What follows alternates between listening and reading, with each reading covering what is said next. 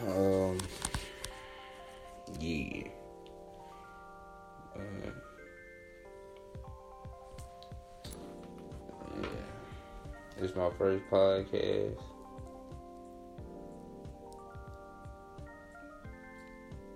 My best friend, he inspired me to do, try to do podcasts. You feel me? I'm not gonna say and do what he do. I'm just gonna be real with you guys, man. I'm black as hell. I'm from the dirt, man. I'm from the muddy city, man. I'm from the swamps, my nigga. I'm, I'm really from the trenches, you dig? Like really in the south right now, bro. Like niggas talking about they from the south, nigga. This the south for real, nigga. Real shit go on down here. You ain't gonna see the shit in, in, in whatchamacallit, but but but you gonna know, you gonna hear about it. You, you well, you gonna don't really hear about either though. Niggas do shit on the low low down here, my nigga. But yeah, this podcast is about the government, bro. The Illuminati. I wanna talk about the Illuminati, bro. I'm just rolling up a little sticky right now. The podcast gonna be about the Illuminati. It's my first podcast. I'm just gonna, you know, record to to five minutes and probably 30 seconds. But it's just my, my intro, whatever. My name's Marcus, my nigga. Shit, you don't need to know my last name. I don't go by the last name. I go by the first name, bro. You can just call me Baby Three. You know, know how I do. You know, GD shit. You feel me?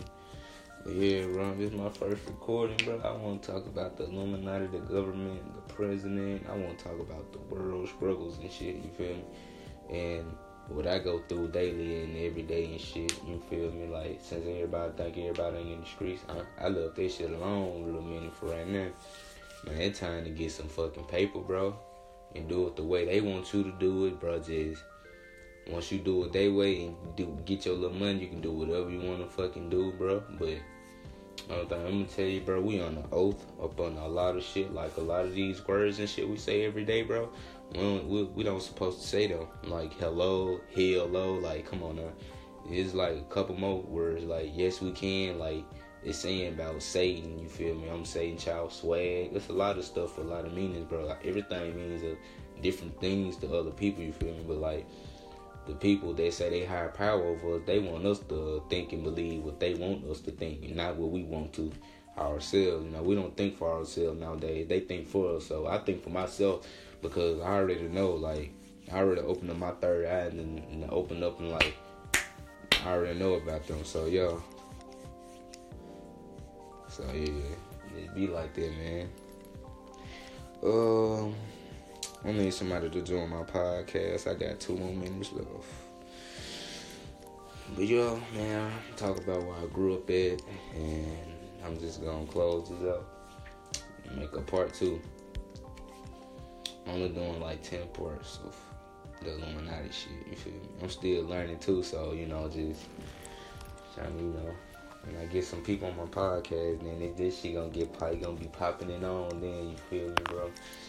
But yeah, man, I was, born and raised outside of Ken, my nigga, country way, on the one way, the way road. You feel me? Awful Banks. Um, I grew up at the very, very back, man, very, very back. Grew up in a a crazy ass household, man. One much to eat in certain certain times and shit. Certain times it was just too hard, bro. Like when I was young, I was always alone, so I ain't had that person to talk to. I always talked to myself. And so that made me just look inside back, you feel me? Like I made money and did bad shit on my own. I ain't getting influenced by anybody, so my parents can tell you that right now. Like I don't get turned on just by a situation from looking at somebody doing something. Like that shit don't mean shit to me. Like I don't give a fuck about what you think or your opinion, you feel me? Like we all here to, you feel me, live and die, but like this a test God's testing you out, bro. See how long we gonna keep this shit going on.